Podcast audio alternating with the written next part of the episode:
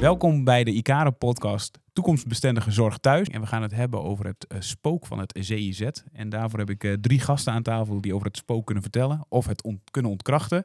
Uh, ik heb Bea, Mariska en Rianne. Welkom weer. mijn naam is Reinier. Ik ben jullie host van vandaag. En ik probeer nou, het gesprek hier en daar wat te begeleiden en vragen te stellen daar waar nodig. Um, ja, we gaan het hebben over... Um, dit mooie thema, het CIZ en indicatiestelling. Maar we beginnen even met een korte voorstelronde van jullie. Uh, mag ik het woord uh, aan jou als eerste geven, Mariska? Nou, ik ben Mariska. Ik ben wijkverpleegkundige en case manager dementie. En mijn werkgebied is Harderwijk en Hierda. Mooi. Welkom. Nou, we gaan naar de overkant van de tafel. Bea? Ja, ik ben uh, Bea Wensel en case manager in Barneveld en Ermelo. Oké, okay, ook welkom. Nou, en last but not least... Rianne Feijer van het CIZ, beoordelaar. En uh, het werkgebied uh, ja, is verspreid uh, voor mij. Maar landelijke organisatie. Mooi. Nou, welkom. Nou, dan wil ik eigenlijk direct bij jou beginnen. want wat is eigenlijk het CIZ? het CIZ is een onafhankelijke uitvoeringsinstantie van het VWS. En, en dat betekent? Dat wil zeggen dat wij uh, de indicatiestelling voor de wet langdurige zorg doen mm -hmm. uh, op basis van wetten en regels uh, vanuit VWS. Mooi. En hoe komen de, de collega's Bea en Mariska met jou in aanraking? Wanneer? Op het moment als er een noodzaak is tot 24 uur zorg per dag voor een cliënt. Um, en zij een indicatie van de WLZ nodig hebben. Mooi. En uh, nou, Bea, hoe vaak uh, hebben jullie contact?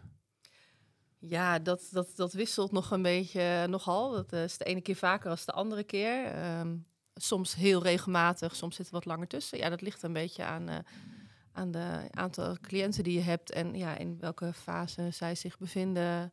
Uh, ja, of je naar een, op, of een aanvraag toe gaat. Mm -hmm. ja. ja, want we hadden het hiervoor ook al een keer over van je hebt verschillende soorten indicatiestellingen over welke, welke indicatiestelling hebben we nu eigenlijk? Als ik kijk, Mariska, wanneer, wat vraag jij aan?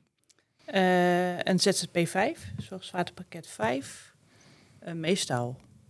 En uh, soms een 4. Oké, okay, en, en dan is het van altijd vanuit de thuissituatie dan? Ja. ja, altijd vanuit thuis. En waarom is dat dan, waarom is dat nodig dan om zo'n indicatieaanvraag te doen? Nou ja, voor mij, voor de klant is het dan nodig om op een een, uh, een wachtlijst te komen voor een verpleeghuis. Mm -hmm. Voor als het niet meer gaat thuis. Nou, en wanneer gaat het niet thuis? Ja, ik vraag even door hoor, ook voor de mensen die luisteren van wanneer, wanneer vraag je, maak je zo'n indicatiestelling? Wanneer, op welk moment? Nou ja, als je toch er naartoe gaat, zeg maar, dat het niet meer echt veilig uh, thuis is. Dus mm -hmm. dat ze echt die, die uh, 24 uur toezicht nodig hebben. Ja. ja. Oké, okay, dan 24 uur is echt een soort van rode lijn of een soort van, als je meer dan 24 uur nodig hebt, dan moet je, dan kom je in aanspraak of dan mag je een, een, een indicatie stellen. Kijk even. Ja, eigenlijk wat, wat ik altijd ja, naga is van, kunnen mensen nog alleen zijn? Hè? Kunnen mm -hmm. ze, als, ze, als er geen mantelzorg omheen is, als er geen zorg is, kunnen mensen dan nog veilig alleen thuis wonen? Kunnen ze die boterham smeren? Pakken ze dat kopje thee? Uh, eh, weten ze de weg als ze naar de supermarkt gaan? Uh, nou, dat soort dingen. Op het moment dat um, de klant zelf niet meer zijn maaltijden gaat pakken... of niet meer weet wanneer hij uit bed moet en in bed moet... Hè, de, de, de, de structuur in de dag kwijtraakt... ja, dan, dan ja, ga je wel richting een, een aanvraag bij het CIZ. Mm -hmm. Oké, en is dat dan alleen... Um voor mensen die dementie een diagnose hebben? Of is het voor iedereen? Hè, is het ook somatische zorgvraag? Hebben die dan ook, kun je daar ook dat voor aanvragen? Jazeker. Ja, ja, ja, ik weet het niet ja. hoor. Ik denk... En uh, ook vanuit de gehandicaptenzorg en de geestelijke gezondheidszorg. Oké, okay, dus het is wel heel breed, maar het gaat wel echt om van je hebt meer dan 24 uur per dag zorg nodig. Dan kun je een indicatie Nou ja, je hebt een noodzaak tot 24 uur zorg per dag. Oké, okay. helder. Ja. En dan komen we bij jou, zeg maar. Hoe ziet ja. dat proces eruit dan? Is dat een mailtje dat je zegt, nou, deze uh, cliënt heeft 24 uur zorg nodig? Uh, dat willen zorgaanbieders denk ik wel, maar zo is het niet. Okay. we hebben een systeem Portero waar wij mee werken. Mhm. En daar hebben zorgaanbieders een contract mee. En op die manier kunnen ze aanvragen indienen bij het CIZ. En op het moment als er een aanvraag binnenkomt, gaan wij, doorlopen wij een aantal stappen, zeg maar. Uh, wij gaan kijken of een aanvraag compleet is, dus dat de handtekening akkoord is, medische info is aangeleverd.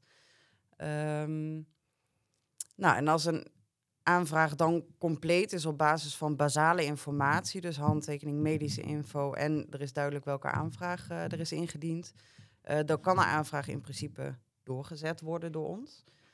Um, alleen hebben wij binnen het CIZ wel bepaalde afhandel. Um, manieren, zeg maar. Dus hoe completer een aanvraag ingediend wordt, zeker via Portero. Uh, zorgaanbieders kunnen stoornissen en beperkingen vullen. Als die goed gescoord worden, worden uh, toegelicht uh, met duidelijke uitleg um, in combinatie met de medische informatie. dan kan het zijn dat wij binnen een dag, uiterlijk twee dagen, een indicatie afgeven. Nou, dat is vrij vlot. En ja. Is dat ook jouw ervaring zo, Mariska? Nee, als ik hem compleet invul, dan is wel mijn ervaring dat hij uh, snel uh, afgehandeld wordt en, uh, ja, en dan afgegeven wordt. Nou, dus hoe completer, hoe sneller jullie eigenlijk een soort, jullie hebben een soort checklist, denk ik dan, waarin je dan zegt van. Ja, het zijn de stoornissen en beperkingen van een cliënt mm -hmm. die wij bij langs gaan. En je kan daar bepaalde scores aangeven en toelichten. En soms zien wij wel dat er een aanvraag wordt ingediend, dan wordt er bijvoorbeeld oriëntatiestoornis, ik geef even een voorbeeld, uh, wordt met drietjes gescoord. Dus iemand is gedesoriënteerd. En dan staat er in de toelichting, cliënt is gedesoriënteerd. Um, dat is voor ons dus niet voldoende, want dat zeg je al met de scores die je invult. Okay. Um, maar wij willen dan graag voorbeelden vanuit de praktijk. En wat gebeurt er op het moment als iemand niet die nabijheid krijgt? Oké. Okay. Ja, wat, wat, wat ik dan wel altijd probeer als ik een aanvraag doe, zeg maar, is dat je op papier. Eigenlijk wil je een, een, een, de cliënt op papier uh, laten zien. Dus ga je, hè, wil je iemand die hem niet kent, moet toch een beeld krijgen van, van die persoon. Uh, dus ga je heel uitgebreid schrijven met voorbeelden. En uh, nou ja, wat gebeurt er inderdaad als er niemand aanwezig is? Of wat kan iemand dan niet meer? Waar gaat het mis? Um, dus eigenlijk wil je op papier, dat probeer ik in ieder geval altijd, laten zien hoe iemand is. Want ja, jullie bij het CZ hebben natuurlijk geen enkel idee hoe iemand is. Nee. Dus je moet eigenlijk van papier moeten kunnen zien um, hoe, ja, hoe iemand functioneert eigenlijk. Ja. En, en wij kijken dat dan ook weer in combinatie met de medische informatie die is aangeleverd, zorgplannen. Um, en dat ja, kan ons een heel goed beeld geven van iemand hoe uitgebreider jullie het op papier zetten, hoe duidelijker het voor ons is. Ja, en, en waar halen jullie je informatie dan vandaan? Uh, ik haal het ook van de familie. Uh, ik, wat ik uh, meestal doe, is zeg maar de vragen die al in de aanvraag staan, die mail ik naar de familie. Dat de familie ook vanuit hun al gaat kijken van, goh, en wat zien zij dan? En dat combineer ik dan met wat ik dan zie of de, zorg, de, de, zorgmedewerkers. En op die manier dat je hem zo compleet mogelijk krijgt. Ja. Oh, dus gebruikt ook echt de, de familie van de cliënt ja. om echt de juiste informatie te krijgen? Ja. En dan zo compleet mogelijk beeld uh, te creëren, zodat het eigenlijk voor jou als lezer, hè, als beoordelaar, um, ja, makkelijk te, te begrijpen is en ook echt de situatie goed te kunnen inschatten. Ja. ja. En op het moment als die uh, minder compleet wordt ingediend, dat kan ook natuurlijk, maar daar gaat wel een langere tijd overheen, omdat wij dan de aanvraag moeten inplannen voor een telefonisch onderzoek of voor een huisbezoek. Oké. Okay. En um, ja, daar gaat langere tijd overheen. En ligt dat dan aan het feit dat die onvoldoende wordt ingevuld dan door de door zorgorganisatie? Of ook omdat er misschien niet alle informatie al bekend is? Ja, het is soms uh, dat de informatie ook gewoon mist. Maar het is soms ook een bepaald gevoel wat je erbij hebt. En uh, dat je het net niet kan duiden. En dan, hè, net noemde jij het voorbeeld van aanvraag 4 of een 5. Um, en zeker de aanvraag, eerste aanvragen voor een 4, die zijn uh, ja, best wel lastig te beoordelen. Uh, omdat er vaak geen diagnose dementie is, maar er zijn wel cognitieve problemen. Uh, daarin moet je echt goed het onderzoek gaan doen van wat maakt nu dat die cliënt die zorg nodig heeft en binnen de WLZ valt. Um, en dan is het soms goed om een cliënt gewoon te zien. En dan gaan onze zoekers die uh, onderzoekers die gaan dan op huisbezoek bij mensen. Of dat je telefonisch contact hebt met bijvoorbeeld contactpersonen. Dat je informatie hebt van de thuiszorg um, en van de contactpersonen. Dat je op basis daarvan weer een compleet beeld krijgt. En zo je indicatie kan afgeven. Maar voor telefonisch onderzoeken en huisbezoeken, ja, dat vergt voor ons wat meer tijd. Ja, nou, dat kan me voorstellen.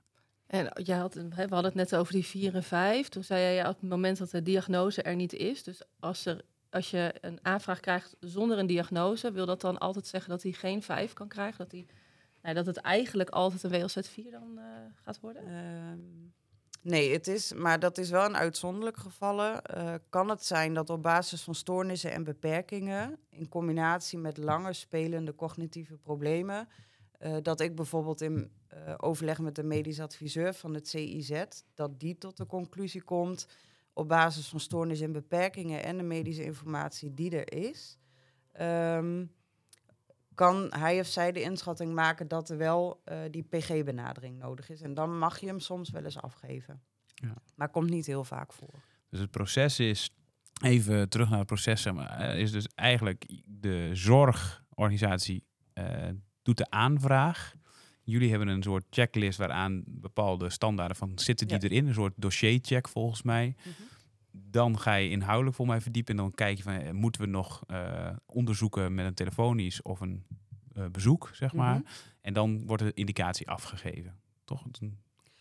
Of zitten daar ja, nog nou, soms tussen? kan het zijn dat de medisch adviseur nog betrokken moet worden.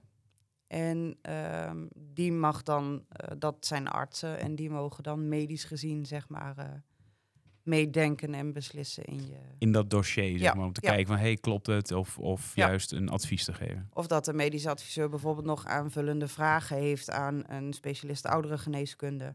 Want de contacten gaan altijd van arts tot arts. Mm -hmm. Dus ik mag bijvoorbeeld, ja, ik mag wel bellen, maar uh, zorginhoudelijk of in medische vragen, die behoor ik niet te stellen aan de specialist ouderengeneeskunde. Oké. Dat doet de medisch adviseur. Ja. En als we dan even teruggaan vanuit jullie uh, als verpleegkundige. Hoe gaat dat voor jullie dan? Dat verzamelen van die eerste data, uh, al die gegevens, hoe, hoe doen jullie dat? Familie, cliënten zeiden we al, maar moet je, kost dat veel tijd? Of? Nou ja, dat, dat kost heel veel tijd uh, om het toch goed in Portero te zetten. Ehm, dus ja, dat, uh, dat doe ik dan altijd wel zelf. Mm -hmm. uh, ik, een enkele keer laat ik het over aan familie als ze nou ja, het heel graag zelf willen doen. Maar dan merk ik toch wel dat het, uh, nou ja, het proces van afgeven wordt langer. En, nou ja, en het is gewoon lastiger om, denk ik, van, voor het CZ om te beoordelen van welke indicatie moet het gaan worden. Mm -hmm. En, die, en die, je zegt dat het duurt, het kost veel tijd om al die gegevens te verzamelen. Wat is dan daarin het, het je, heb je, komt het omdat je met heel veel verschillende mensen te maken hebt? Of? Ja, ja je hebt, hè, wat, wat ik altijd heb, ja, als case manager zit je er soms niet zo heel, heel erg dicht op. Mm hè, minder als bijvoorbeeld een wijkverpleegkundige. Dus wat ik altijd doe, als er ook een wijkverpleegkundige in zit, wil ik daar uh, het gesprek mee. Om, hè, die, is, die, zit er, ja, die komt er soms dagelijks, dus die kan daar veel meer over zeggen. Je hebt contact met de familie, maar het is ook heel belangrijk om dat, om die, dat medisch dossier mee te sturen. En dat, dat levert soms best wel veel tijd op. Want je moet even contact leggen met een arts. Dan krijg je hem terug. Dan staat er dus soms geen diagnose in. Dus dan wil ik een belafspraak met de uh, huisarts. Om eens te overleggen van... joh, hè, maar ik zie dit. Hoe denkt u erover? Hè, kan er een diagnose gesteld worden op de testen die gedaan zijn? Als die gesteld kan worden, wil je die dan toevoegen in het medisch dossier? Wil je hem dan alsnog hè, nog een keer toezenden... zodat ik hem nou ja, met diagnose uh, naar de CIZ zou kunnen sturen... Uh, dus je bent nou ja, heel veel informatie aan het verzamelen voor een, een ja, best wel een per periode. Ja. Hoe lang ben je ermee bezig? Als ik gewoon even voor mijn beeldvorming. Is dat uh, een, een, dag of een, een, een, uur? Of? Nou ja, je bent er niet, niet continu mee nee. bezig. Want je bent natuurlijk, het is hier een telefoontje, daar een telefoontje, hier een afspraak. Uh, maar ik denk, hè, als je alleen de Portero-aanvraag op zich invult en je wil hem heel uitgebreid invullen, nou, dan ben ik denk ik wel anderhalf, twee uur bezig om echt alleen nou, die cliënt goed te omschrijven uh, in Portero. Om, om als een uh, dingen die niet meer lukken, zeg maar, eigenlijk, om die te omschrijven. En elke keer even terug te lezen van heb ik dan het. Nou staat het er juist, laat ik zien wat ik staat er wat ik wil laten weten. En, ja, en dan komt nou ja, alle andere informatie er nog bij. Ja. Ik zie jou Ja. instemmend knikken. Ja, nee, klopt. Ja, en dan moet nog een zorgplan. En, eh, en je, moet, je hebt een machtiging nodig. Ja. Eh, daar moet weer een handtekening onder. Dus dan moet je ook weer terug naar... Een machtiging van de familie dan? Of van de cliënt? Eh, of? Van de WLZ-aanvraag is van de cliënt. Oké. Dus, die is ook, die moet je, dus je bent continu aan het schakelen tussen al die verschillende partijen om die, dat dossier zo... Dus voordat jij überhaupt eh, eh, een dossier onder ogen kijkt, is er al heel veel werk Ja. gedaan. Ja. Oké, en als je dan, want we hebben het over het spook van het CIZ. Als je dat nou eens een beetje ontleedt en we proberen, wat is dan, wat leeft er dan rondom dit thema onder de collega's? Nou, dat je niet altijd de diagnose krijgt die je graag zou willen. Ik denk, misschien is het voor sommigen wel onduidelijk van wanneer hè, krijgt iemand nou een 4 en wanneer krijgt iemand nou een 5. Ja, ja en dat is ehm, bij het CIZ. eh, er zijn natuurlijk. ehm, voor een 5 moet je een PG-diagnose af kunnen geven. Ehm, en ja, die kunnen wij. Hè, ik vertelde net al wel de uitzondering. eh, dat je soms wel een PG-diagnose mag geven zonder diagnose. Maar in principe moet die diagnose dementie er zijn. Wil je tot die PG-grondslag komen? En op het moment als je die PG-grondslag niet kan afgeven, ehm, de vijf kan je niet op basis van somatiek indiceren. En ehm, dan zie je wel cognitieve problemen, ehm, maar niet, zoals wij, laat ik het bij mezelf houden, zoals ik dan ook denk, van er is ook een arts die er geen stempel op durft te geven. Anders was die diagnose dementie er wel gekomen. Ehm, dat is wel iets waar ik rekening mee hou. En dan ga ik echt wel kijken naar het functioneren van een cliënt. Ehm, maar ja, er zijn natuurlijk ook maar een x aantal zorgprofielen waar wij eh, uit kunnen kiezen. En ehm, ja, cliënten krijgen dan eh, soms het voordeel van de twijfel. Of eh, ja, dat je eigenlijk ze niet in een precies in een zorgprofiel kan plaatsen. Ja, en dan moet je kijken van, nou ja, wat ga ik doen? Maar die PG-diagnose, die is voor ons wel heel belangrijk om tot die vijf te kunnen komen. Maar als iemand eh, de diagnose heeft van dementie, komt hij dan altijd in een 5? Nee, dat is niet gezegd. Ligt er echt aan hoe ver iemand in zijn dementie is en waar de zorgvraag ligt. En dat is dan weer wat we op basis van de stoornissen en beperkingen bekijken. Er kan ook iemand zijn die eh, nog maar korte diagnose heeft, bijvoorbeeld ziekte van Alzheimer, hè, waarbij, je ziet dat ze geleidelijk achteruit gaan. Eh, dat er wel een noodzaak is tot die 24 uur zorg. Eh, maar bij de vijf kijken we ook echt, is er echt sprake van verlies van zelfregie? En ehm, of iemand echt die PG-benadering al nodig heeft. Dat zijn voor ons de grote verschillen zeg maar, tussen die vier en die vijf. Ja, je voor mijn beeld nog iets meer wat jouw ehm, criteria is waarop je, hoe je kijkt naar zo'n dossier? Zou je nog iets, iets niet zo afvinken, maar meer van waar beoordeel je dan op? Eh, nou ja, sowieso die stoornissen en beperkingen. Er zijn een aantal dingen, punten waar je bij langs gaat. Dat zijn de oriëntatie, eh, stoornissen, ehm, het geheugen, het denken, eh, fysiek, hoe mensen daarin, wat ze nog zelf kunnen. Eh, de sociale redzaamheid wordt beoordeeld. En hè, wat jij net ook al wel aangaf, ehm, eh, hoe kan iemand zijn eigen structuur regelen? Eh, dat zijn eh, sowieso punten waar we naar kijken. En, en eh, kijk je dan ook bijvoorbeeld naar een mantelzorger die, in, in, die in de omgeving is van zo'n cliënt? Nee, op het moment als de mantelzorg in zit, is dat voor de cliënt natuurlijk heel fijn. Maar met de indicatiestelling kijken wij puur naar de cliënt zelf. En ehm, dan begin je met 's ochtends het wakker worden. En vanuit daar ga je kijken. Hoe ver komen mensen in hun dag? Weten ze dat het dag is? Ja, En dat gesprek ga je dan aan. Ja, en dat is dan ook die score waar jullie het net over hadden met een drie als iemand op bepaald functioneren hoger of lager scoort, zeg maar. Ja, je kan dus inderdaad, als je de aanvraag doet, kan je scoren van 0 tot en met 3. En dat is zeg maar 0 van, nou, dat kan iemand nog prima zelf, heeft daar eigenlijk geen, eh, geen hulp bij nodig. Tot, tot een 3 van, nou, is echt helemaal afhankelijk of kan het niet. Of hè, doet het niet, weet niet het op het juiste moment eh, te doen. En ja, dat onderbouw je, dat kan je dan in de toelichting onderbouwen. En dan, en dan is jouw vervolgvraag is dan eigenlijk bij die indicatiestelling, om dat goed te kunnen lezen, is dat jij zegt van ehm, omschrijf ook wat dat, die zelfredzaamheid of die beperking Ja. in de zelfredzaamheid is. Ja. Want dat geeft eh, mij dan juist een goed beeld. Ja. Wat gebeurt er op het moment als iemand uh, daarin niet um, de begeleiding krijgt, bijvoorbeeld? Ja. Oké. Ja, wat ik zelf ook altijd nog wel een punt vind, eh, op het moment dat ik die aanvraag wil doen, is of iemand nog kan alarmeren. Als er iets is, kunnen ze dan of nog met een personenalarmering, of kunnen ze bellen, of weten ze dat ze.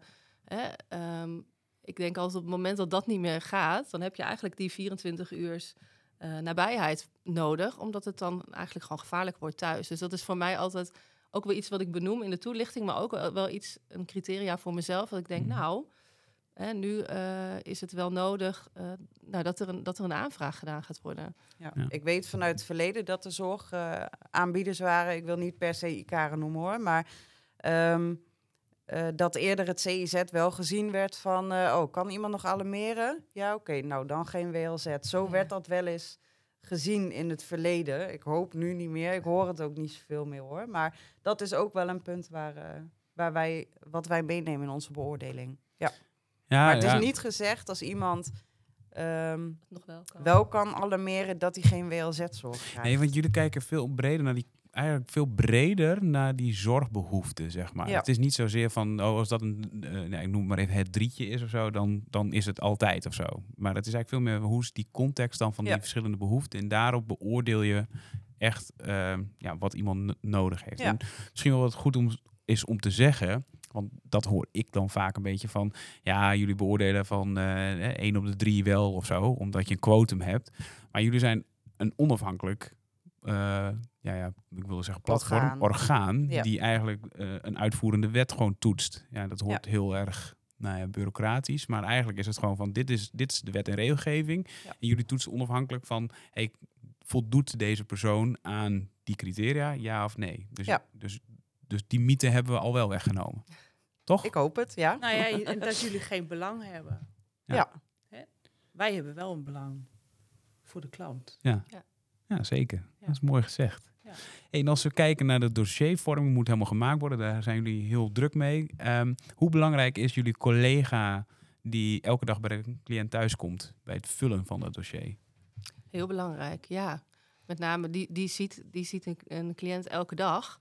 En uh, die ziet vaak nog meer als dat een familielid ziet die twee keer in de week komt. Of uh, Um, ja, die zien heel veel handelingen bijvoorbeeld. Hè, die helpen bij het, het, die ondersteunen bij het douchen bijvoorbeeld. Of bij de medicatieinname.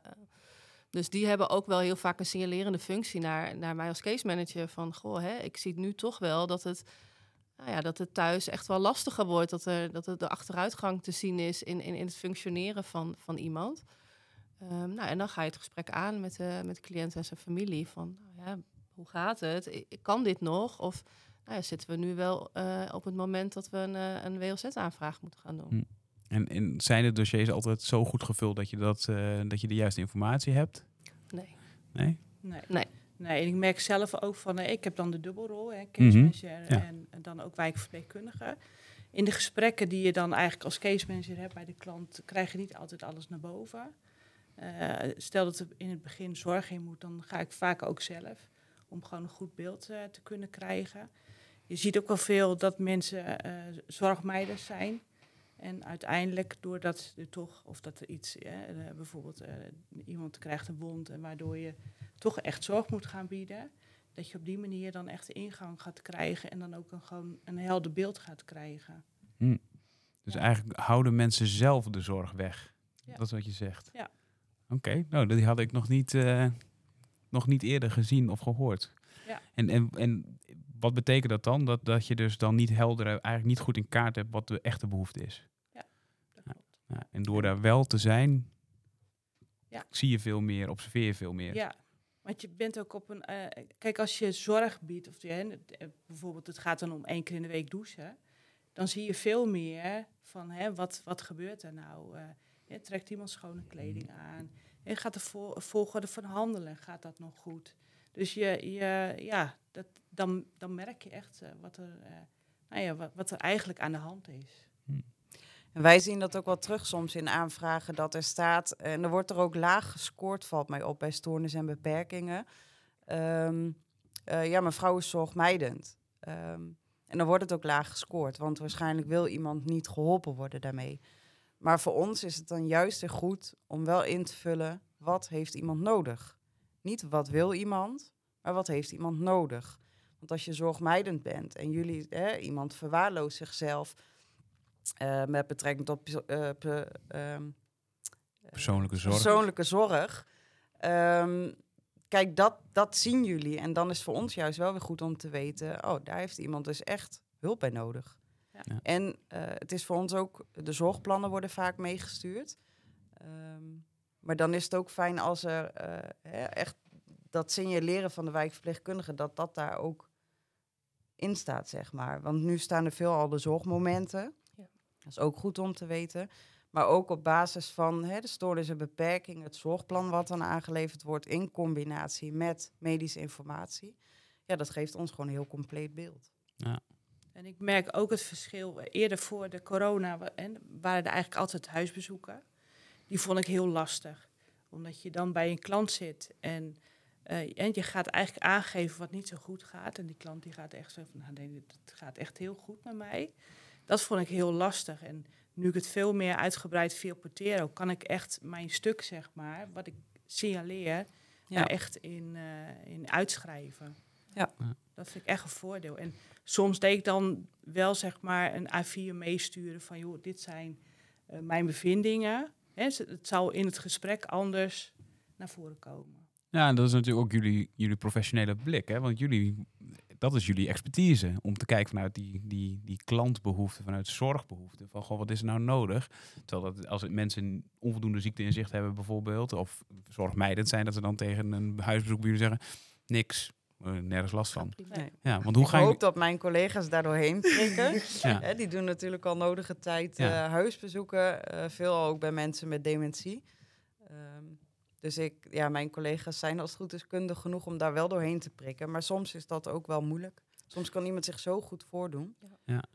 En, en wat ik wilde zeggen was dat de uh, zorgcollega's, zeg maar, is zo belangrijk. We hebben het nu een paar keer gezegd, maar zij zijn echt de ogen en de oren voor het goed invullen van een dossier. Zoals jullie weer de ogen en oren zijn eigenlijk voor het CIZ om goed te kunnen beoordelen. Ja. Ik denk dat dat echt wel heel essentieel is, dat, je, dat we dat goed moeten beseffen. Um, en zijn er nog andere knelpunten waar we tegenaan lopen? Dat we zeggen van, of hebben nu, zijn er nog dingen dat je zegt, oh. Nee, soms dan uh, vraag je een indicatie aan en wordt die dan toch niet afgegeven. Daar loop je soms wel uh, tegenaan. Ja. En wordt er dan ook contact gezocht met degene die een indicatie heeft afgegeven? Uh, dat is meestal vanuit de familie, die het dan wel proberen om dan uh, toch na te vragen van goh, hoe dat dan kan. Ja. Ja, vanuit daar wil ik wel het advies geven. Weet dat er vanuit uh, alle teams zijn de relatiebeheerders voor alle zorgaanbieders. er kan altijd contact gezocht worden, ook vooraf aan de aanvraag. Dat je twijfels hebt, dat je niet goed weet um, welke zorg je aan moet vragen. Um, heb even contact met het CIZ. We kunnen daarin misschien een heel verhelderend antwoord geven. Maar ook als je iets terug hebt gekregen waarvan je denkt van nou, hier had ik echt wel verwacht dat we een indicatie zouden krijgen, hebben we niet gehad. Um, neem contact op met je relatiebeheerder. Ga even na hè, wie dat zijn voor jullie. Waar kunnen we die vinden? Um, dan mag je even bellen naar het CIZ en die vraag stellen. Even aangeven welk werkgebied je zit. Um, ik wil het anders straks ook wel even voor je uitzoeken. Maar uh, uh, het CIZ uh, altijd even benaderen dan. Ja. want dan weet je voor een, dan weet je ook hoe wij kijken uh, en waar het hem in zit dat iemand iets wel of niet krijgt. Nou, dat is een mooie, een mooie uh, waardevolle tip zeg maar, vanuit uh, jullie perspectief. Hè? Dus probeer dan de verbinding met CIZ ja. te doen. Als we kijken naar jullie collega's, hebben jullie nog tips voor je collega's bij het aanvragen doen? Dat je zegt van, goh, let daarop, want je krijgt hem altijd terug. Of let daarop, nou ja, wat, wat ik uh, echt wel mee wil geven, hè, laat die persoon op papier zien. Uh, maak dat mm -hmm. heel duidelijk. Doe het niet alleen, maar doe het met je collega's en de familie. En uh, nou ja, wat ik ook altijd nog wel doe, is um, hè, die cliënt moet een machtigingsformulier ondertekenen op hè, het moment dat ik de aanvraag doe. Dan vertel ik ook waarom we die aanvraag gaan doen, of ze daarmee akkoord gaan. Nou, dan, dan tekenen ze die. En ik zet in een aanvraag ook altijd van hè, op het moment dat de cliënt die, uh, dat machtigingsformulier uh, ondertekent, heb ik uitgelegd en weet diegene waar hij voor tekent. Mhm. Uh, zodat dat ook duidelijk is uh, uh, in de aanvraag naar het CIZ toe. Van, hè, ik, ik heb dat niet alleen gedaan en achter de rug om van. Nee, we hebben dat samen. nou ja, diegene heeft daarin toegestemd. samen ja. besloten. Ja, dat is voor het CIZ heel fijn. Want wij moeten die check, zeker bij dementie, moeten wij die uitvoeren bij twee personen. Dat is dan de zorgkant en de familie vaak. Um, want op het moment als er bij het geheugen een 3 gescoord wordt, hè, dat er volledige overname in nodig is of begeleiding. Uh, en iemand zet dan een handtekening, ja, dan gaan wij onze vraagtekens zetten van nou, kan iemand dat wel overzien? En het gaat echt op het moment van ondertekenen. Wij zijn niet een um, organisatie die gaat kijken of iemand wel of niet wilsbekwaam is. Dat is niet aan ons.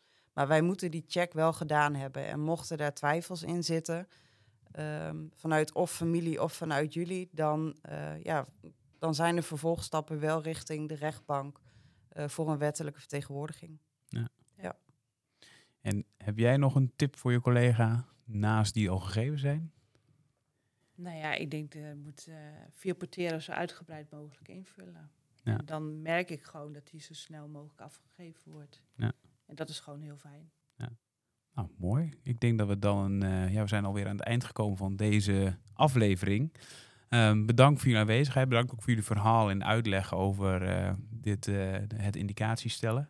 ik hoop voor de mensen thuis die luisteren of kijken dat ze ja, hier wat mee kunnen. En ze kunnen jullie voor mij ook altijd benaderen als bijna experts van de organisatie, denk ik. En nou, bedankt. Bye.